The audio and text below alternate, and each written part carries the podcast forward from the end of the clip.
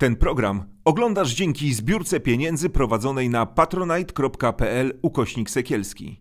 Zostań naszym patronem. Nazywam się Gośka Serafin i choruję na depresję. Chcę Wam pokazać, że można z nią żyć i nie jest to powód do wstydu. Jeśli masz podobne problemy, nie czekaj, nie bój się, szukaj pomocy. Dzień dobry, najnowszy odcinek y, farbowania życia. Zaczynamy, a na początek y, mówię do kamery, ponieważ się obcięłam i chciałam sobie potem zobaczyć na YouTubie, czy dobrze to wygląda. I mam dla Was takie małe ogłoszonko i prośbę zarazem, żebyście subskrybowali nasz kanał na YouTubie. Udało mi się powiedzieć subskrybowali, jestem z siebie niezwykle dumna. Żebyście zostawiali e, komentarze.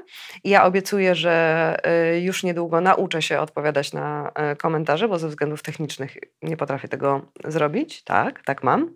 I żebyście nas e, wspierali na Patronajcie. To takie e, ogłoszonko miałam na samym początku. E, I piszcie do mnie, jeżeli chcecie chcecie wystąpić w farbowaniu życia, to piszcie do mnie e, na Instagramie, na YouTubie i na wszystkich mediach społecznościowych, gdzie mnie znajdziecie. Mam takie zdjęcie z kręconymi włoskami jeszcze. Miałam takie na aniołka, a teraz postanowiłam troszkę zmienić swoje życie i zaczęłam od fryzury. Jeszcze nie wiem, w jakim kierunku to pójdzie, ale ciechnęłam się na krótko. Może coś, może coś się zmieni, może, może będzie y, lepiej.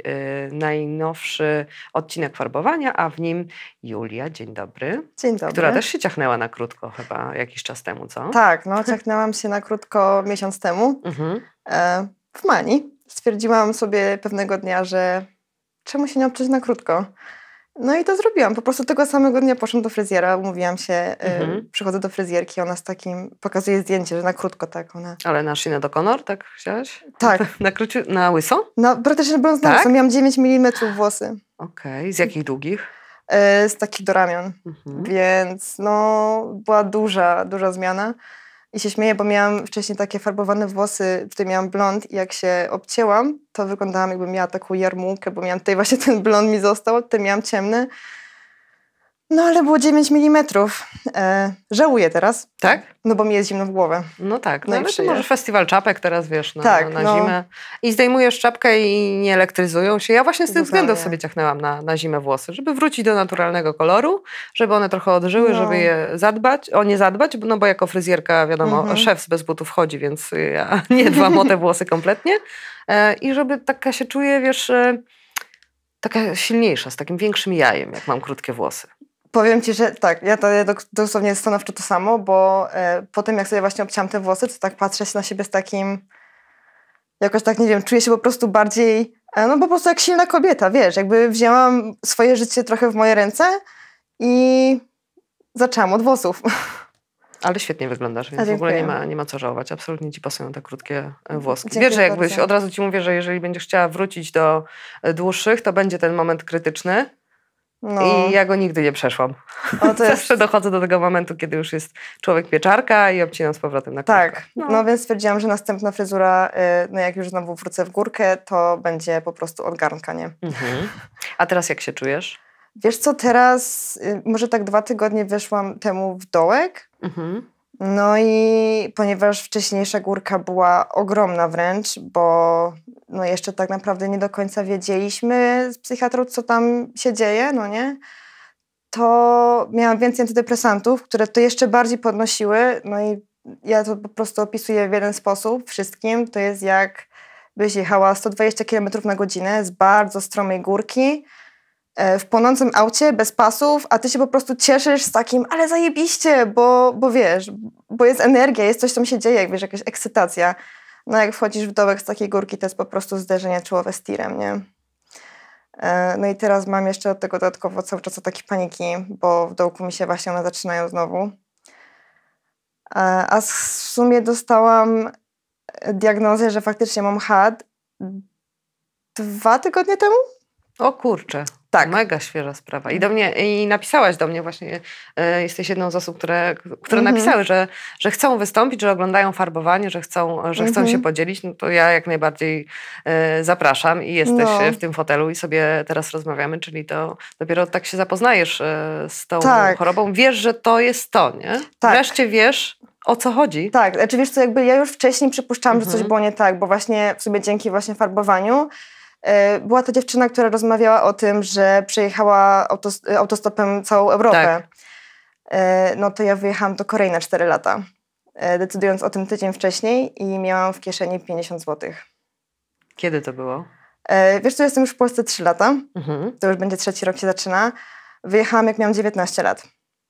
I powiedziałam o tym mojemu psychiatrze właśnie dzięki temu, co usłyszałam. I mój psychiatra powiedział z takim, że mm, no chyba idziemy jednak w spektrum zaburzeń e, dwubiegunowych. Więc to było tak naprawdę no, tym takim punktem, który, który faktycznie tak jak pomyślałam teraz takim hmm, no może to nie było normalne jednak, jakby faktycznie myśli, wszyscy myślą, o zajebiście, bo spontanicznie, bo nastolatka sobie pojechała, okres buntu, coś tam, coś tam.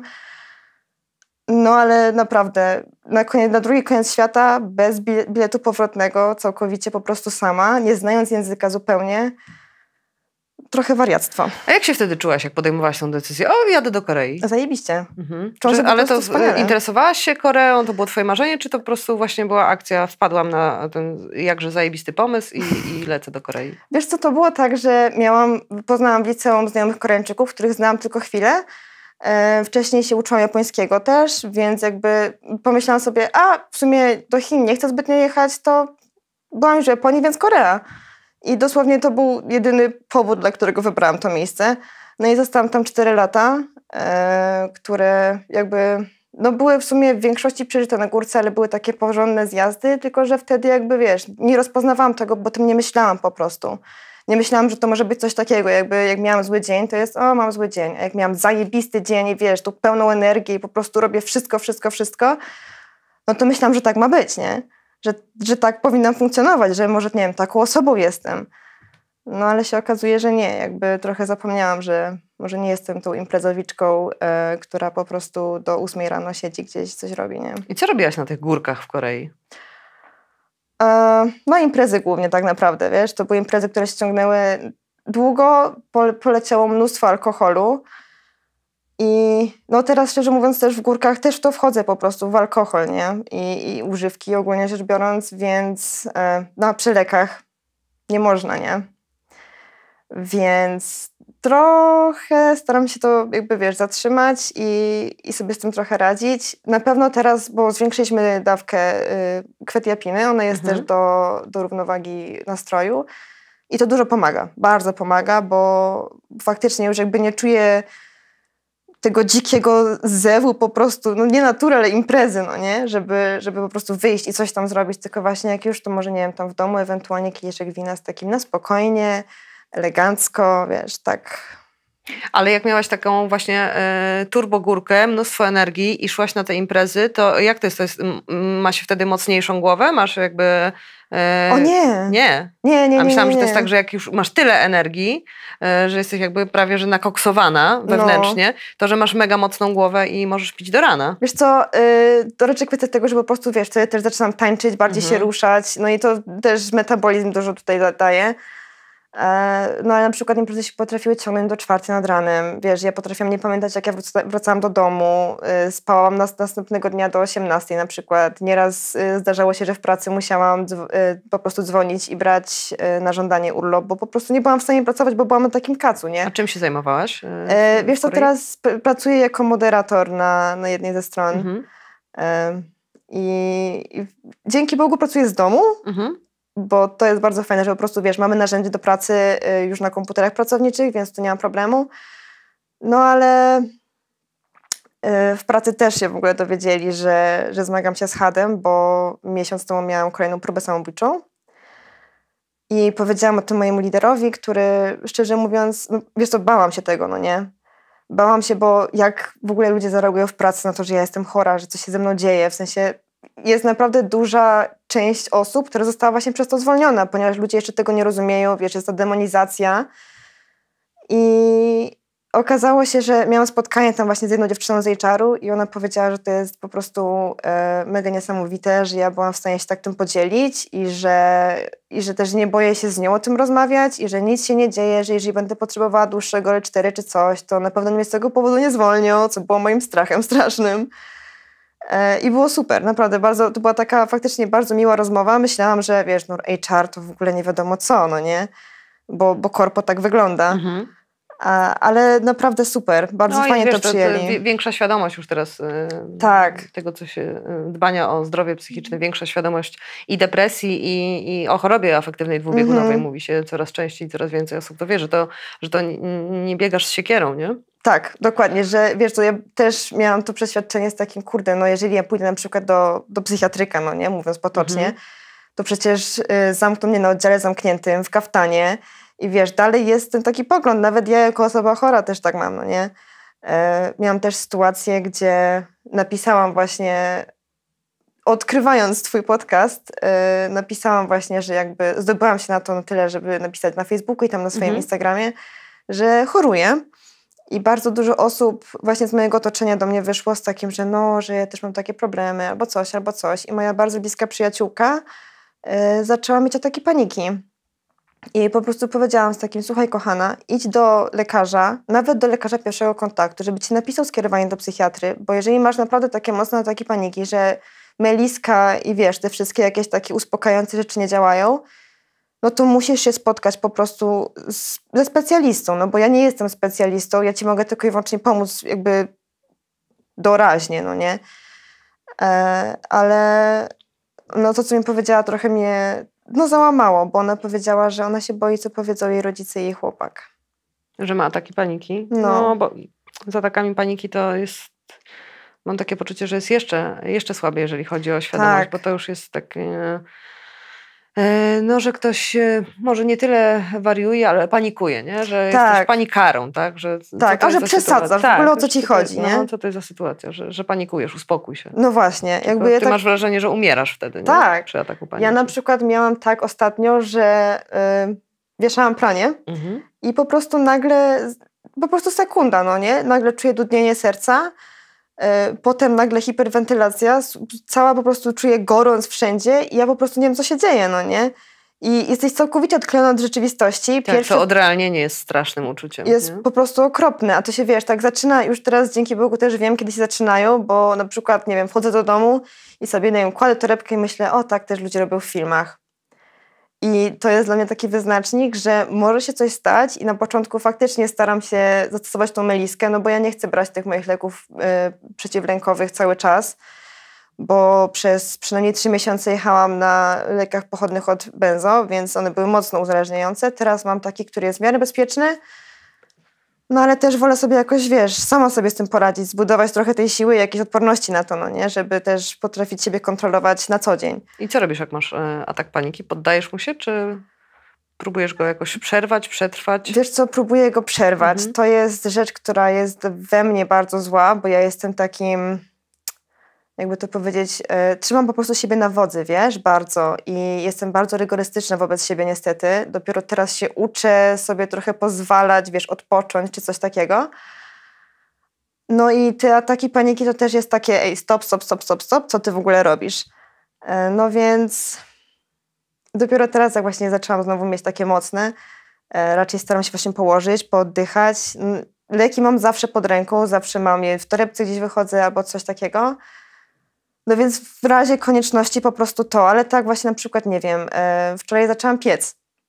Ja bardzo lubię piec e, mhm. albo w ogóle gotować i to mi bardzo pomogło, bo zaczęłam znowu mieć ten stan, wiesz, taki już się zaczynam denerwować, e, chodzić w kółko po pokoju, już to zaczynam, wiesz, już czuję powoli, że ten czerwony alarm się włącza w mojej głowie i stwierdziłam, nie, idę teraz, obieram jabłka i piekę, bo chciałam upiec ciasteczka, mam wszystko na te ciasteczka, piekę je.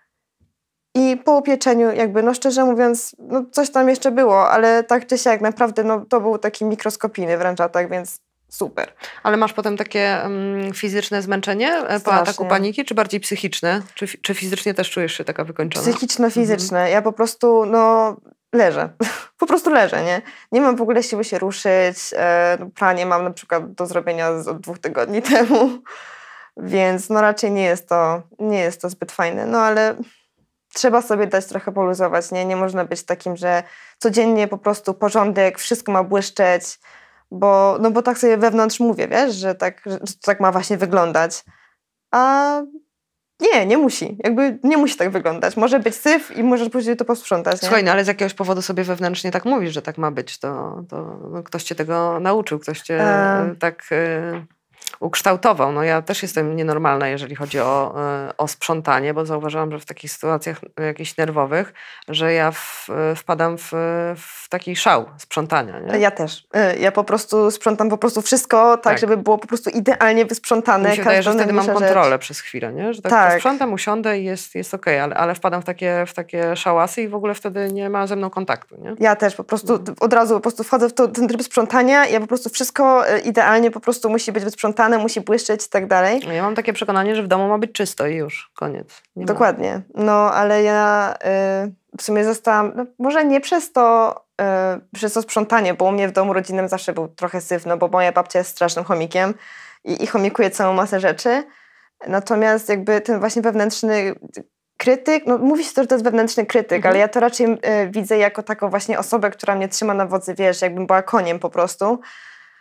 E, no wyszedł właśnie z mojego domu. I, i teraz właśnie w dołkach e, najgorsze jest to, że po prostu zmagam się z tym takim, wiesz, nie tylko z sobą, która jest przeciwko mnie, ale to są te głosy, które ja słyszałam też wcześniej. I od kiedy masz e, w sobie takie poczucie tych głosów, tych rzeczy takich wdrukowanych w ciebie, tych poleceń, jak ma być, jak być powinno, to ci towarzyszy od dziecka, czy cię w dorosłym życiu dopiero dogoniło? E, wiesz co, dowiedziałam się dopiero o tym, kiedy poszłam na terapię. Natomiast y, było tak od kiedy miałam może 5 lat, bo y, pierwszą próbę samobójczą miałam jak miałam 7 lat. Naprawdę? Tak. Y, miałam 7 lat i to była kwestia tego, że o mój Boże, co pomyśli sobie o mój, mój tata, y, że go zawiodłam, nie? I te już wtedy te głosy właśnie, te, ten właśnie wewnętrzny krytyk był już tak silny dla siedmioletniego dziecka, że ja stwierdziłam, że skoczę z balkonu. E, znaczy, trafiłaś do szpitala, czy nie? nie? Nie. Nie, bo wiesz co, u mnie w rodzinie jakby nieważne co się działo, a działy się ze mną naprawdę ciężkie rzeczy przez te lata. Nikt tego nie zauważył w ogóle, wiesz, nikt nawet nie przyszedł z takim, hej Julka, co się dzieje, czy wszystko jest okej. Okay? Wszyscy to, wiesz, bagatelizowali z takim, a dziecko, e, a tutaj, nie wiem, hormony, wiek nastoletni, a małe dziecko to w ogóle nie wie, co robi. E, no i skończyło się tak, że uciekłam, nie? No i uciekam do tej Korei na te 4 lata, bo to po prostu była forma ucieczki. Chyba najlepsze było to właśnie jak rozmawiałam też z moim terapeutą, bo jestem w terapii od marca, bo wtedy miałam takie porządne załamanie nerwowe. E, no i właśnie trafiłam na terapię całkiem szybko, więc dzięki Bogu się udało, bo teraz to z terapią jest strasznie ciężko. Natomiast on powiedział po prostu, że bardzo dobrze, że, że wyszłam z domu i że wyjechałam po prostu, bo no najprawdopodobniej bym po prostu nie przeżyła, nie? A że w domu było tak e, ciężko? No tak. Ale to był, miałaś taki zimny dom, czy, czy pojawiała się przemoc fizyczna, psychiczna? Wiesz co, u mnie czy taki zimny dom z lat tam 90. Na Właśnie to nie? nawet nie to był jest zimny... takie pokolenie. No tak, no. ale wiesz, to nawet nie był taki zimny dom, bo to chyba było może trochę gorsze, bo, ponieważ to było tak w sumie, że e, właśnie głównym może problemem był mój tata, który wiesz co, był e, ja byłam jego kochaną córeczką, wiesz, e, wszystko, wszystko on, po prostu taka kochana. No a jak właśnie zaczęłam wchodzić w ten wiek bardziej nastoletni, kiedy zaczęłam mieć własną głowę, no to coś mu się tam nie spodobało, jak zrobiłam, no i nagle, wiesz, chlas, nóż w plecy, nie? Potem znowu nagle, jakby, jak gdyby nigdy nic, znowu jest super przyjemnie i fajnie, a potem znowu chlas. I... A to były komentarze jakieś, tak? Komentarze. Albo zakazy, nakazy, ograniczenia, co? czy co? Nie, bardziej komentarze mhm. po prostu, wiesz, jakieś takie odnośnie mojej osoby, czy odnośnie mojej rodziny wiesz, ja mam do tej pory przekonanie, że ja nie należę do mojej rodziny, bo moi rodzice się rozwiedli, jak miałam 5 lat i jakby, no wiesz, było zawsze gadanie, że a ta druga strona to coś tam, że... A jesteś jedynaczką? Jestem jedynaczką. Mhm. Znaczy mam przyrodnie rodzeństwo, mhm. tak, e, ale jest dużo młodsza ode mnie, no natomiast z tego związku moich Rozumiem. rodziców jestem ja sama. No i wie, przez 12 lat byłam jedynaczką, więc do 12 roku życia przez cały czas było, że o, bo tutaj jesteś y, jakaś tam, a tutaj jesteś jakaś tam, że jesteś jak matka albo jesteś jak ojciec, nie? No i to... Ty to chłonęłaś, nie? Tak. Byłaś pośrodku tego konfliktu. Tak, tak, stanowczo byłam pośrodku tego konfliktu, no i wiesz, i to No to, to było chyba najgorsze, nie? Poza tym, mm, no poza tym poszło cała masa innych rzeczy. Bo, no wiesz, e, dzięki Bogu nie było stricte przemocy fizycznej, ale ja w ogóle też pochodzę z domu alkoholików. E, więc, z wiesz, poprzedniego pokolenia? E, z poprzedniego mhm. pokolenia, no. Chociaż mój wujek e, też tam miał zapędy takie mocniejsze. Natomiast e, no, mój dziadek był, jest alkoholikiem, wiesz. E, jednak to jest tam jakieś uzależnienie i mam też bardzo nieprzyjemne doświadczenia z tym, że po prostu na przykład, wiesz, mężczyźni po alkoholu są pijani, no nie? A ja na przykład, no już będąc nastolatką, staram się bronić, jakoś tam postawić się. E, no i to wiesz, no to było po prostu takie przerażenie, że coś się stanie, nie? Że coś, że jestem w jakimś tam niebezpieczeństwie mniej więcej. I, no i też kwestia tego, że jakby nie miałam stricte żadnego konkretnego domu, gdzie się czuję bezpiecznie, tylko zawsze było, o jak będziesz niegrzeczna, to pójdziesz do drugiej rodziny, nie? Albo jak coś to nie było nie tak, to chcieli mnie w ogóle w pewnym momencie wyrzucić z domu, żebym wróciła do mojej babci, do, do której się wyprowadziłam. Czyli czułaś się taka przerzucana w, w takim nastoletnim wieku? No, miałam też 16 lat, jak byłam tak przerzucana. Znaczy, to się w sumie zaczęło, jak miałam 12, no w wieku 16 lat się przeprowadziłam, e, no i tak to trwało właśnie do 19 roku życia, dlatego też ten wyjazd, nie? E, mania połączona po prostu stricte, wiesz, z tym, co z chęcią się... ucieczki przed, chęcią ucieczki. przed rodziną? A takie dołki, właśnie takie y, depresyjne miałaś już w tym nastoletnim tak. wieku? No, były sytuacje, że zaczynałam mieć atak paniki. Dopiero teraz wiem, że to był atak paniki. A wtedy myślałeś, że co, co się dzieje?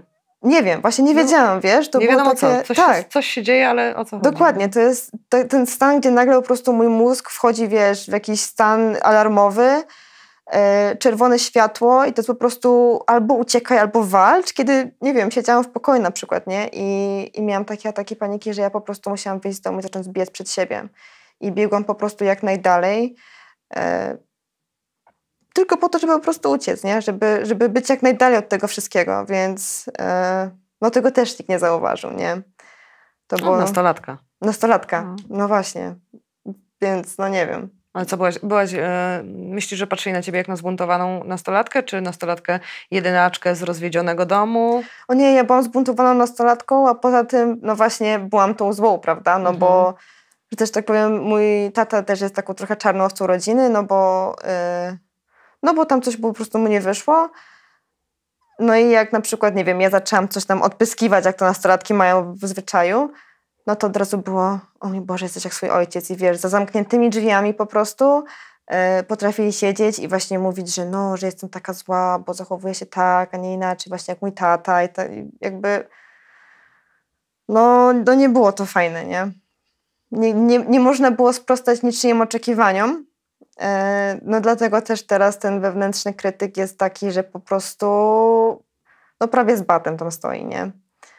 Teraz właśnie staram się go teraz trochę odepchnąć od siebie z takim, albo to może ten bat wziąć, nie wiem, zmienić go na neboszek, nie wiem. Na pluszowych. Na pluszowych, tak. tak kiział, nie? Tak. Żeby tak się pokiziać, a nie, a nie tłuc. No, dokładnie. Bo, bo wcześniej to wiesz, to...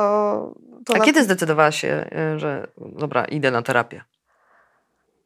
E, no w momencie, kiedy wiedziałam, że sobie coś zrobię. Mhm. E, bo... Ale już czułaś, że, e, że, że... Czułaś czy planowałaś? Wiesz co, plany zawsze miałam. Mhm. Ja od zawsze po prostu, od kiedy pamiętam, mam dwa sposoby, w jaki ja się mogę zabić.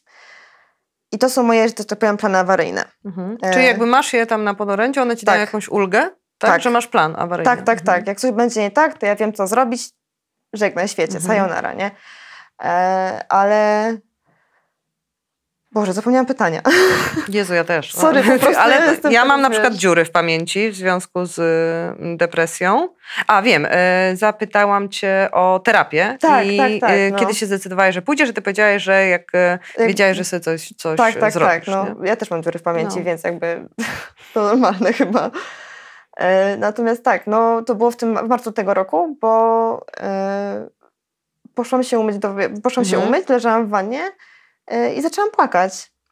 I zaczęłam płakać w taki sposób, że ja po prostu dosłownie wychodząc, upadłam na kolana, bo nie miałam siły mhm. stać. Zaczęłam po prostu przez cały czas płakać. No i przyszedł ten mój pomysł takim, e, tam naprzeciwko jest mhm. wieżowiec, e, możesz do niego wejść, możesz wejść na dach i z niego skoczyć. Bo I rok skończyć temu, problem. Tak. Mhm. Bo rok temu, mam już sprawdzone, ponieważ rok temu z wieżowca naprzeciwko mojego domu e, skoczyła babka z ósmego piętra, no i się zabiła. Więc skoro ona się zabiła, to przecież ja też mogę, nie? Na pewno to zadziała. I... No ale co się tak spowodowało, że poszłaś na terapię, a nie na wieżowiec? Wiesz co, po prostu nie chciałam tego skończyć trochę. Poza tym jestem kocią mamą i jestem po prostu... A, no to sorry. Jestem kocią mamą. I wiesz co, po prostu mam kota, który jest do mnie strasznie przywiązany. No to... I wiesz, jakby to jest trochę śmieszne, bo moja rodzina w sumie jakby jest dla mnie trochę może mniej ważna niż mój kot, bo mój kot po prostu tylko widzi mnie i kocha tylko mnie, jakby wiesz, tylko mnie daje takie uczucie, jakie, jakie daje, nie? I, I właśnie sobie tylko tak pomyślałam, że kurde, no jeżeli na przykład, nie wiem, ktoś zadzwoni po ambulans czy coś, po karetkę, że, żeby mnie wziąć na oddział, no to mnie zamkną na tym oddziale. A kot? A co z no. kotem, nie? Ja no. potrzebuję mojego kota. E, no i dlatego się trochę broniłam przed tym nogami i rękami, ale no pojechałam wtedy na początku na SOR, żeby, bo płakałam przez cały dzień, no mhm. nie, nie mogłam się w ogóle uspokoić, poszłam na SOR, e, no i ja wtedy po prostu powiedziałam mojej mamie, bo moja mama jest też taka e, właśnie zdrowie psychiczne i tak dalej, ma też sporo znajomych w tej, w tej dziedzinie, no i po prostu ona powiedziała, że, no, że będzie szukała, no nie? I w dniu, w dniu kiedy ja pojechałam na SOR, już miałam umówioną terapię na przyszły tydzień, na wtorek. A do psychiatry kiedy raz, e, pierwszy raz poszłaś? Na początku właśnie był ten SOR, no bo mhm. tam jest psychiatra tak naprawdę. A później poszłam no po miesiącu, bo dostałam jakby leki na miesiąc, dostałam stricte leki na uspokojenie. E, psychiatra na początku myślał, że to jest depresja, no bo to był naprawdę taki ogromny dołek, który trwał no może z kilka miesięcy, nie? I no i dopiero ostatnimi czasy właśnie dzięki temu, że słucham i też rozmawiam o chadzie, bo to jest też jakaś tam kwestia tej choroby, no nie? W sensie kwestia rozmowy, bo jak wpiszesz sobie w Google, to ci nic nie wyjdzie. Nie no, jak wpiszesz w Google HAD, no to ci wyjdzie, że uprawiasz hazard albo... Yy albo wydajesz wszystkie pieniądze. Dokładnie, ba bardzo są pożyczki, takie, tak, bardzo są takie stereotypowe informacje na temat e, No właśnie, hadu, no. a na przykład nikt ci nie powie, że nie wiem, wyjechanie na drugi tak. koniec świata to też jest może jakiś, e, jakiś tam, wiesz, jakiś e, jakiś warunek tego hadu. No i właśnie dopiero słuchając opowieści mhm. ludzi, którzy, którzy już są zdiagnozowani, stwierdziłam, że hmm, no może coś jest z tym nie tak, nie? Może coś jednak, może te moje zajebiste humory yy, to, to jednak nie jest to, no nie? To nie jest po prostu zajebisty humor, tylko to jest tak trochę przesada, bo naprawdę no nie mam, nie mam hamulców, nie mam granic wtedy, nie? Ja Ale po... czujesz się taka niezwyciężona? Yy, czujesz się bezpieczna, że nic ci się nie stanie? Że ja jestem wtedy i że jakoś świata. to będzie. Aha, jesteś królową świata. Ja okay. jestem po prostu królową świata, ja po prostu yy, no śmieję się wśród moich znajomych. Yy, jestem, mam drag personę jestem tequila samba z peluna, ponieważ po prostu wtedy wychodzi, wychodzi po prostu tańczenie samby na stołach gdzieś, w ogóle po prostu, no, no impreza na 120, nie? No ale to jakby faktycznie nie jestem ja, to jest ta mania, nie? Ona się po prostu już tak nazywa najwidoczniej, bo, no bo tak, ale jestem niepokonana wtedy po prostu, wiesz, czuję się, czuję się zajebiście. No i miałam też tak ostatnio właśnie, jak byłam w tej górce, że skoro czuję się zajebiście, to po co brać leki? Tak, to jest problem. No właśnie. Że, że, że to jest takie fajne uczucie, że, tak. że często się na przykład nie mówi o tym psychiatrze. Tak. Bo no ja, się, tak fajnie. Ja, się, ja się przyznałam do tego, bo stwierdziłam, że jakby mój psychiatra i mój psycholog to są dwie osoby, mhm. z którymi faktycznie chcę być szczera w 100%. No i im powiedziałam, że po prostu ja nie brałam leków. Bo, no bo to też jest ważne, nie? że ja po prostu czułam się na tyle dobrze, że stwierdziłam, po co mi leki. Poza tym też no, pijąc alkohol przez cały czas, nie można brać tych leków, no bo później ci wątroba siądzie. Więc e, no nie robiłam tego po prostu, to nie było ok, e, niestety. Ale no, to był duży błąd, wiesz? To był, to był duży błąd. Dzięki Bogu nie zrobiłam nic na tyle głupiego, żeby faktycznie mieć teraz jakieś ogromne konsekwencje. No ale mam teraz po prostu te konsekwencje w samym poczuciu, nie? Ale masz kaca moralnego? Strasznego strasznego amkaca moralnego i ja po prostu, e, no to jest też właśnie ten wewnętrzny krytyk. Ja sobie bardzo rzadko cokolwiek wybaczam, nie? A to jest, to jest właśnie to, co trzeba zrobić, po prostu wybaczyć sobie z takim, no jakby nie miałaś wtedy odpowiednich leków, e, też moi znajomi tego nie wiedzieli, bo no trochę się właśnie bałam im mówić, wiesz, to jest taki wstyd, e, dlatego też właśnie chciałam tutaj przyjść, żeby, żeby o tym powiedzieć, żeby ten wstyd trochę, wiesz, rozmuchać, bo to jest wstyd z takim, no co, powiesz, że masz manię i, i co? I wszyscy stwierdzą, e, no to przecież co ty, możemy sobie iść na miasto, będziesz się fajnie bawiła, no nie? Znaczy, dzięki Bogu tak nie mówią, bo bardzo rozumieją, co się dzieje. E, no ale ja też muszę ich trochę wyedukować e, z tym, co się właśnie ze mną dzieje, żeby po prostu też wiedzieli, jak manewrować naokoło mnie niestety, no bo no w trakcie dołków to ja na przykład wychodząc z domu za każdym razem mam po prostu atak paniki, nie? Ja wtedy właśnie się trochę odcinam i mówię z takim, ej, słuchajcie, sorry, ale nie mam siły czy coś, no po prostu teraz jakby mogę im powiedzieć, że no słuchajcie, mam teraz dołek, dopiero teraz dostałam leki, dalej zwiększam ich dawkę stopniowo. No ale że po prostu teraz nie mogę wyjść, bo jak wyjdę, to, to po prostu nie będę w stanie nigdzie dojść, nie? Bo po prostu wchodząc na przykład po klatce do domu, to ja potrafię tylko stać z takim o mój Boże, o mój Boże, w końcu jestem w domu, nie? Takie po prostu szczęście, jestem w moim bezpiecznym miejscu, mam moje koty, będę sobie je męczyć i jest okej, okay, nie? Jest łóżeczko, jest że, kocyk. Że w domeczku najcudowniej jest na tak. świecie, nie? Że tak się trochę czasem boję wyjść, a już tak ruszyć poza dzielnicę to... O Jezus, nie ma mowy. no. Nie, to już jest za daleko. No, także e, nie dziwię się, że dzisiaj e, przyjechałaś z, z przyjacielem, nie? Tak, żeby, tak, tak. mieć wsparcie, bo samemu tak e, wyruszyć. Tak. Chociaż ja mam takie rzuty czasami, że a może powinnam sobie sama tak gdzieś skoczyć, w ogóle, że sama sobie na przykład e, no. polecieć gdzieś, żeby musieć wszystko sama załatwić mhm. e, i że tam już nie będzie żadnej pomocy, bo ja mam straszny problem z załatwianiem rzeczy takich w dorosłym życiu typu spółdzielnia mieszkaniowa, mhm. a jak polecę gdzieś za granicę i to tak na hardkorze, to będę sama musiała wszystko załatwić i czasem myślę sobie, że to może będzie świetny trening takiego załatwiania, nie? a potem mówię hold on, hold on. No właśnie. Spokojnie. Sama się hamuje, że, no. że mogłam sobie szkody narobić większej. A ty już y, wyczuwasz trochę takie momenty, czy dopiero masz wrażenie, że tak się uczysz tego, e, tego hadu? Wiesz co, uczę się. Mhm. Mm, dalej mam problem z manią. Wiem, kiedy przychodzą dołki, ale z manią jest o tyle problem, że po prostu ja, wiesz, zaczynam się czuć dobrze, no nie? I sobie jakby nie wiem dokładnie, gdzie jest ta granica pomiędzy czuciem się okej, okay, a kiedy jestem czuciem się zajebiście. Bo, no bo to jest no jednak jest to spora różnica i właśnie muszę to, kurczę, no staram się, wiesz, pilnować tego w miarę jakby, wiesz, mieć jakby dziennik tego, jak się czuję i tak dalej, i tak mhm. dalej. No ale problem jest taki, że w manii wszystko po prostu idzie na odstawkę, nie? Wszystkie takie rzeczy, jakoś, jakaś rutyna dzienna czy coś takiego po prostu nie istnieje, nie? nie masz tak, że nie musisz spać dużo? Na przykład, że masz tyle energii, że, że nie śpisz? No, dlatego ja też miałam leki na sen. E, ja codziennie brałam leki na sen, zresztą teraz też biorę, e, tylko inne po prostu, które też mi w trakcie dnia miało wyrównywać e, ten, ten nastrój, wyrównywać. Ale dlatego właśnie miałam, żeby wiesz, żeby zasnąć i przynajmniej przespać tą noc, bo ja potrafiłam spać po 4 godziny i na przykład budzić się z takim, okej, okay, co dzisiaj robimy, nie? E, tutaj do jednego znajomego wpadnę, tutaj coś tam zrobię. Później tak do 16, bo teraz e, mam pracę od 16 do 24, no tak do 16 zrobię to, to, to, to, to, to, to, po czym przyjdę do, do domu, e, przychodzę prawie na styk z 16, no nie? Luguję się do pracy i, i wiesz, w pracy coś tam robię, szybko, szybko, szybko, po czym jak mam wolne, no to co zrobić, nie?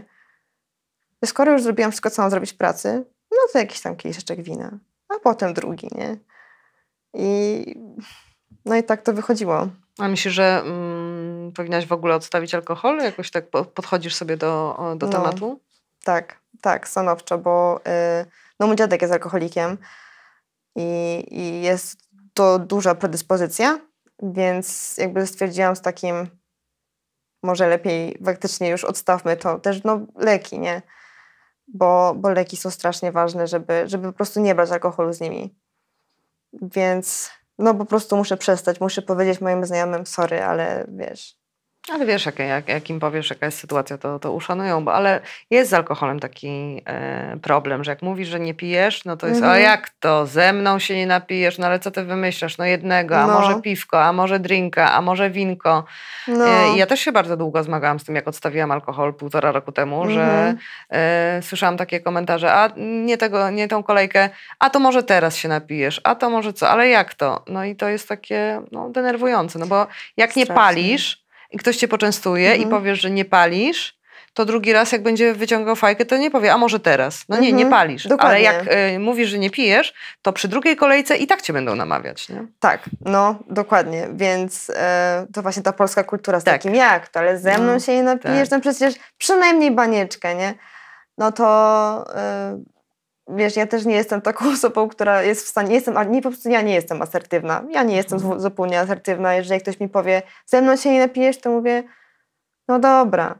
No i wiesz, idzie jedna, potem już jest człowiek trochę jest, się mhm. lepiej czuje, no to pójdzie druga, no nie. Potem, a czemu nie, no to skoro a potem już pijemy, idzie, to dokładnie, jak już zacznie tą pierwszą, no to później już idzie, nie. Więc, no ale staram się właśnie jakby już, wszyscy powoli akceptują to, że ja już nie, nie z alkoholem. No chociaż wiesz, no czasem właśnie o to chodzi, brakuje tych, tych górek, wiesz, brakuje tego tego właśnie tej swobody i tej spontaniczności i, po prostu tych imprez, takich w ogóle super energii. Brakuje tego strasznie człowiekowi. No bo to jest taki, wydawałoby się, super ekstra stan, nie? Ja też sobie myślę czasami, że Jezu, przecież jakieś tak imprezowałam yy, i miałam tyle energii, przy czym ja wielokrotnie zastanawiałam się i, i pytałam mojego psychiatra, że może ja, mo, może ja mam chat. On mówi, że nie, pani Małgosiu, leczę panią od 7 lat, pani ma po prostu ostrą deprę, nie? Bo ja też, no. wiesz, robiłam takie manewry. A zostałam fryzjerką, nie? Rzuciłam mhm. dziennikarstwo, zostałam fryzjerką, a poleciałam na jogę do Indii. Ale to mm, raczej było wszystko takie bardzo ostrożne, bo no. ja nie czułam tej nieśmiertelności takiej przysłowiowej, tylko milion lęków, nie? No tak. Bo w Mani jest tak, że już idziesz oporowo, nie? Nic tak, tak, tak, A ja miałam no. za i przeciw, za i przeciw, więc to było takie ryzykowne, ale, ale bardzo wyważone, więc yy, tak, no. Kiedyś też miałam taką siłę na imprezy, ale po prostu skumałam, że, że to była jakaś taka maska, że ja udawałam przed -hmm. wszystkimi, nie? A w środku było do dupy. I jak skumałam, że jest do dupy i teraz siedzę w domu, to jest mi dobrze z tym, że siedzę w domu. No, powiem ci, że tak. Y, nie tak samo, jakby wiesz, ten kocyk sławny to jest po prostu, mam już tylko taki mięciutki kocyk, który jest taki przytulaśny, mm. że po prostu człowiek jak, jak się położy na łóżku, to już nie chce w ogóle wstawać, nie? Y, I też tak mam, no ale właśnie, kurczę, to takie, to taka właśnie to poczucie nieśmiertelności z takim, że ja mogę zrobić wszystko, to jest no to jest chyba w tym najgorsze i mhm. najbardziej niebezpieczne, bo to jest najbardziej uzależniające, nie? Poza tym też y, w manii jest bardzo łatwo wpaść w różne nawyki, które są złe, typu właśnie alkoholizm, wiesz. Nałogi są po prostu mega, mega podatne w trakcie manii, no bo ty co, zaczniesz sobie właśnie na przykład jakiś hazard uprawiać, co niektórzy tam robią, albo brać pożyczki, wiesz, u mnie, szczerze mówiąc, też chat w ogóle jest najprawdopodobniej genetyczny, bo mój dziadek właśnie albo w depresji pił, mhm. a w manii brał po prostu pożyczki na firmę, którą tam miał i, i, były problemy z tym, nie? Żeby później to spłacić, wszystko i tak dalej. Więc no, on ma niezdiagnozowany, no bo raczej tam medycyna i leki to tak stronicznie do tego podchodzi. Natomiast y, no mama też tam ma swoją znajomą, która powiedziała, że ma tam jakieś właśnie osobowość, y, osobowość dwubiegunową. Mhm. No a ja dostałam to chyba w 120%. A jak masz taki dołek po manii, on jest słyszałam, że jest dużo mocniejszy niż taki zwykły dołek depresyjny, że te zjazdy po mani są takim po, po, potrójnym kacem hardkoru. O, to jest straszne. I Powiem co wtedy? Ci... Śpisz, leżysz? Leżę. Ja mhm. po prostu... Wyłączasz się od świata, odcinasz? Tak. Ja leżę, y, kupiłam 11 książek ostatnio, mhm. y, co było manią. Tak samo jak moja piękna fryzura, to też było to wszystko, wiesz, w manii zrobione. No ale teraz, skoro mam dołek, to w końcu przynajmniej mam czas czytać te książki. E, więc no to jest plus, no nie? E, ale nie, to jest straszne. Powiem Ci, że no ja jestem teraz no, tydzień w takim głębokim dołku, e, no i jadę przez cały czas na lekach przeciwlękowych, bo wiesz, wyjście z domu, cokolwiek. I po ale ty je bierzesz ym, doraźnie, w sensie tak doraźnie, sytuacyjnie, no. nie to, że tam... Nie, nie, nie, nie a, Ale y, masz też takie, które bierzesz regularnie i, i doraźnie, jak tak. jest sytuacja, której potrzebujesz, tak? Tak, ale mam je zawsze przy sobie, okay. bo po prostu to trafi mnie, wiesz, potrafiłam... Wczoraj na przykład byłam na obiedzie u mojej babci, się tylko z takim... Już zaczynam, już zauważyłam właśnie, że zaczynam, wiesz, y, krążyć po pokoju z takim ciężkim oddechem, z takim, o kurde, zaczyna się, nie? Mhm. I to po prostu było straszne, z takim, no co ja teraz zrobię? Nie mam leków przy sobie, bo zostawiam akurat w domu, bo miałam nowe opakowanie z takim. Nie mam leków przy sobie, co ja teraz zrobię, nie? Po prostu zjadłam obiad, powiedziałam, babciu, przepraszam cię, ale muszę jechać do domu, nie? Bo ja nie byłam w stanie, ja po prostu nie byłam w stanie tego wytrzymać. jechałam w tym tramwaju z takim, Boże, Boże, Boże, muszę iść do domu, muszę iść do domu, bo po prostu był strach, no nie? Strach przed tym, że jeżeli dostanę tego, wiesz, takiego największego ataku paniki, jeżeli to się faktycznie rozwinie, nie wiem, w miejscu publicznym albo tam, gdzie nie będę miała pomocy, to, no to nie wiem, co się ze mną stanie, nie? To jest właśnie ten, jakby, tak jak było mówione ostatnio, to jest po prostu ten strach przed lękiem. Tak. No i przed poruszaniem się, bo, no. no bo jest za takim paniki coś takiego, że mm, trochę nie bardzo wiesz, jak poprosić o pomoc, no bo co komuś obcemu powiedzieć na ulicy, no. Przepraszam, ale zaczynam się bać.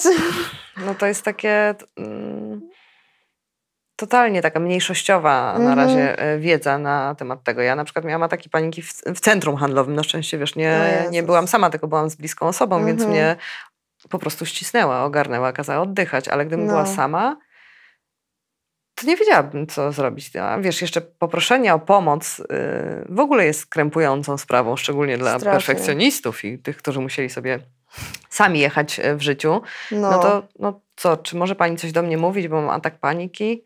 No tak, chyba tak powinno się robić, nie? Jak, jak, jak przestać się wstydzić, wiesz, prosić o pomoc, tego się no, nauczyć. To jest, no to jest ciężkie, wiesz, ja na przykład właśnie, no ja będąc zostawioną w sumie, ja, no, ja byłam zostawiona sama sobie przez rodzinę, no nie? Ja się wychowałam sama w sumie. Yy, ja mam takie, wiesz, głębokie przeświadczenie, że kurde, no ja sobie powinnam poradzić sama.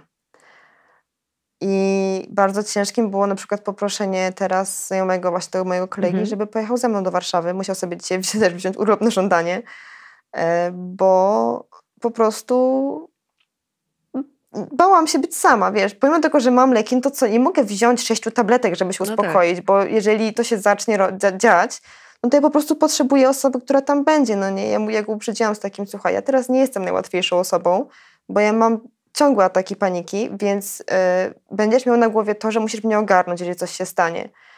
No i jakby dzięki Bogu naprawdę to jest dobry kolega, który po prostu powiedział, słuchaj, no dlatego też potrzebujesz kogoś, z tobą, żeby z tobą pojechał, więc ja biorę dzień na żądanie i jedziemy. A masz wokół siebie właśnie więcej takich um, bliskich, dobrych znajomych osób? Nie, nie, nie mówię o ekipie, z którą się imprezowało, bo one się szybko weryfikują, te ekipy, z którą tak. się imprezowało. No, znaczy, że ta ci, super ekstra e, Julka, która tańczyła tutaj na barze, no, no nie, no Julia już nie będzie tańczyć. No, Julia już nie będzie tańczyć. w, domu, e, w domu oczywiście sobie może potańczyć. Tak, no. oczywiście, że tak. No, Ale na barze to już nie. No. Nie, wiesz co, powiem Ci, że y, właśnie ta zaskakująca mhm. ta grupa właśnie ludzi, z którymi imprezowałam, oni rozumieją właśnie na przykład jak tam nie wyjdę, czy coś, no mhm. no nie? Nie to ciągną są, Cię, tak? Nie ciągną. Ej, chodź, co Ty będziesz tak. zamulać. No właśnie, okay. jakby to są, to są też w ogóle ludzie, którzy są wszyscy w, y, w psychoterapii, y, są pod opieką psychiatry, więc jakby my wszyscy się dzielimy, wiesz, mhm. anegdotkami z takim, o, co było dzisiaj na terapii i tak dalej, i tak dalej. Mhm.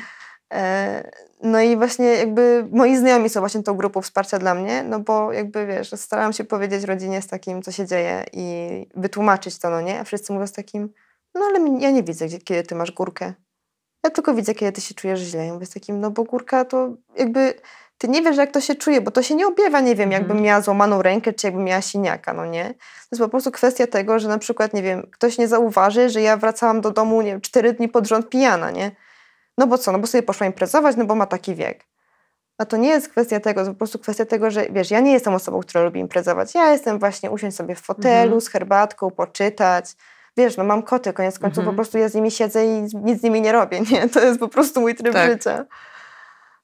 I nagle imprezowałaś. I tak? nagle po prostu imprezy i wiesz, i dzika po prostu radość. I jakby dla wszystkich to było normalne, nie?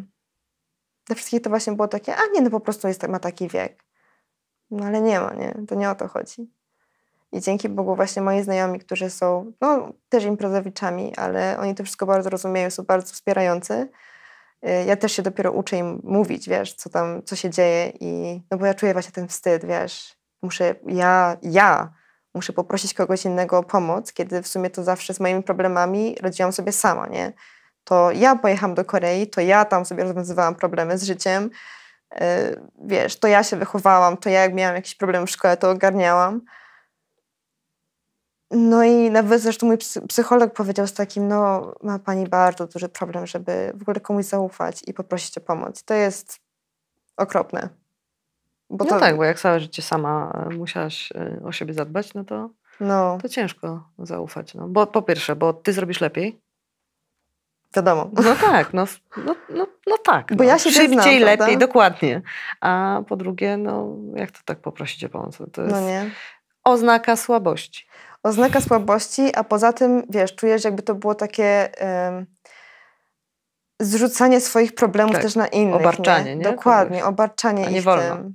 I że to jest takie, no przecież oni nie żyją moim życiem, to jakby nie są, wiesz, tam jakimiś ultra bliskimi osobami, więc Boże, co ja będę robić, nie? Co ja, co ja będę ich tym, tym właśnie obrzucać, nie? No czasem też tak głupio powiedzieć komuś bliskiemu nawet, że, że co mi jest, no trochę ciężko to nazwać, no stara, nie mogę, nie mam siły wstać z łóżka, bo, bo, bo nie, mam siły. siły. Nie mam siły iść do pracy, bo, bo, bo co, bo się źle, bo mi smut... To nawet nie jest smutek, to jest no. taka dupa, że hej, no właśnie ja teraz byłam na L4 i y, babcia się pyta mnie właśnie wczoraj z takim, co idziesz do pracy dzisiaj? Ja mówię, że nie. Ona, a jutro? Mówię, nie. A dlaczego? No bo jestem na L4. Ona z takim, jak będziesz brała tyle L4, to cię wyrzucą z tej pracy. No ale kurczę, no jeżeli ja nie jestem w stanie nic zrobić, to chyba potrzebuję tego L4, żeby się trochę zebrać, nie? Teraz do tego jeszcze właśnie mam ten tydzień y, zmiany leków, mhm. więc no ten tydzień, wiesz, najgorszy tydzień przy lekach, no nie? Y, to dlatego to dostałam. I po prostu jak komuś, ja w ogóle ukryłam to, że, że ja mam L4. Ja nikomu o tym nie chciałam mówić. Nie tylko moim znajomym, którzy mhm. wiedzą i rozumieją. A tak to właśnie jakimś tam bliskim z rodziny czy coś, to nie, nie, nie, nie. W ogóle cicho, wiesz, pod dywan, nie ma żadnego L4, ja pracuję normalnie. No to fajnie, że w pracy masz taką, taki komfort i taką, no. takie bezpieczeństwo, nie? bo to, to jest bardzo mm, rzadkie. Tak. Mam nadzieję, że będzie coraz częstsze jednak takie zrozumienie, ale jest to e, rzadka sytuacja. Tak. Żeby, no. żeby takim zaufaniem, wiesz, być e, obdarzonym. To jest bardzo rzadkie i powiem Ci, że mi się udało strasznie, bo mieliśmy też taką rozmowę z moim team leadem, e, no bo on powiedział, że też przez 6 lat chorował na depresję i, i że wie, że po prostu wszystko będzie lepiej, no nie, że on też właśnie nieraz miał próby samobójcze i tak dalej. No i po prostu kiedy on się otworzył i o tym mi powiedział, to dopiero wtedy ja byłam w stanie, wiesz, ja po prostu byłam z nim, na, wiesz, na kolu przez mhm. kamerkę i ja tam zaczęłam płakać, nie?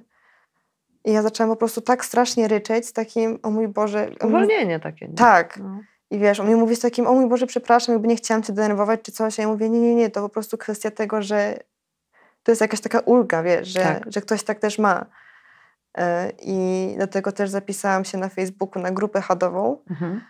bo wiesz, to jest takie, kurczę, no nie jestem w tym sama, nie? To są, ludzie, są ludzie, którzy tak samo funkcjonują jak ja, wiesz, na przykład też niektórzy piszą, że nie chcą leków brać, albo że właśnie też imprezują strasznie i po prostu, no, wyniszczają się tak naprawdę, nie?